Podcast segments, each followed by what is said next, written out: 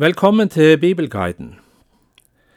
Vi leser nå fra profeten Jesaja og er kommet til kapittel 48. Det er avslutningen på et avsnitt som går helt fra kapittel 40, og vi får her en oppsummering av, eller skal vi si en sluttappell, for det som vi har lest de siste sju kapitlene. Det som er hovedtema her, er Guds kjærlighet til et troløst og ulydig folk. De vil ikke tro, de har vendt seg til avgudene, de har hatt et hyklerisk forhold til Gud, der de har æra Han med munnen. De har påkalt Hans navn, men ikke i sannhet og rettferd. Hør dette, innledes dette kapitlet, og etter en prestasjon av hvem det er som ber deg høre etter, så kommer det første budskapet i vers tre. De første ting har jeg fortalt fra før, hører vi, og så minner Gud sitt folk på det de har hørt, sett og opplevd til nå. Herrens ord har gått i oppfyllelse. Folket kan ikke henvise til avgudsbildene og si mitt gudebilde har gjort det. Vi leser profeten Jesaja kapittel 48 vers 1 til 6. Hør dette, Jakobshus, dere som kalles med Israels navn og er kommet fra Judas kilde. Dere som sverger ved Herrens navn og påkaller Israels Gud, men ikke i sannhet og rettferd. De kaller seg etter den hellige byen og støtter seg til Israels Gud. Herren over hærskarene er hans navn. De første ting har jeg fortalt fra før. Fra min munn gikk det ut, jeg forkynte det. Brått handlet jeg, og det skjedde. For jeg vet at du er hard, med sener av jern i nakken og panne av bronse. Derfor har jeg fortalt det fra før, latt deg få høre det før det hendte, så du ikke skulle si mitt gudebilde har gjort det, bildet jeg har skåret ut og støpt har befalt det. Du har hørt det, se nå alt sammen. Kan ikke dere fortelle det? Jo, det har skjedd som profetene forkynte, men nå skal vi få se framgjennom. Fra nå av lar jeg deg få høre noe nytt, kan vi lese. Så taler Gud til sitt folk om utfrielse, hjelp og nåde.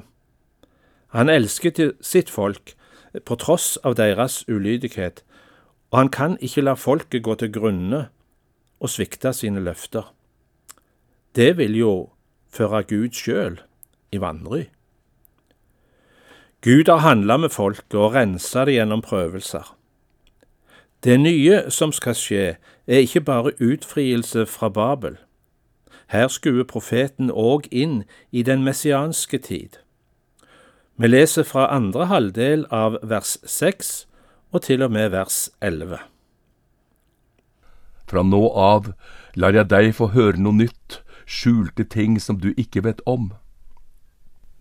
Nå blir de skapt, ikke før. Du har ikke hørt om dem før i dag, så du ikke skulle si Se, jeg visste det. Du verken hørte eller visste det fra før. Ditt øre var ikke åpent for det.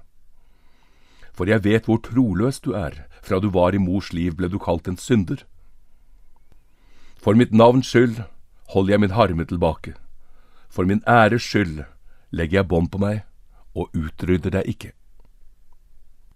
Se, jeg har renset deg, men ikke som sølv. Jeg har prøvet deg i lidelsens smelteovn. For min skyld, for min skyld handler jeg, ellers vil jeg bli vanæret. Min ære gir jeg ikke til noen annen. Fra vers 13 i dette 48. kapittel så kommer det et nytt hør. Hør på meg, Jakob. Og igjen får vi en presentasjon av Gud. Ingen tvil om hvem det er som taler her. Jeg er Han. Jeg er den første. Jeg er også den siste. Det er Gud som en gang åpenbarte seg for Moses, og som førte folket ut ifra fangenskapet i Egypt som tale. Nå er det en ny person som skal føre de ut av fangenskapet i Babel. Det er perserkongen Kyros som skal utføre Guds vilje. Vi skal merke oss et av utsagnene her. Plutselig, i vers 16, så taler profeten, og vi ser at det tegnes et bilde av den treenige Gud, i det profeten sier noe som kunne vært sagt av Jesus. Nå har Herren Gud sendt meg og sin ånd.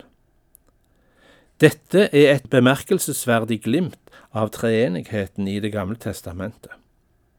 Vi leser versene 12 til 16 i Jesaja 48. Hør på meg, Jakob, du Israel som jeg har kalt.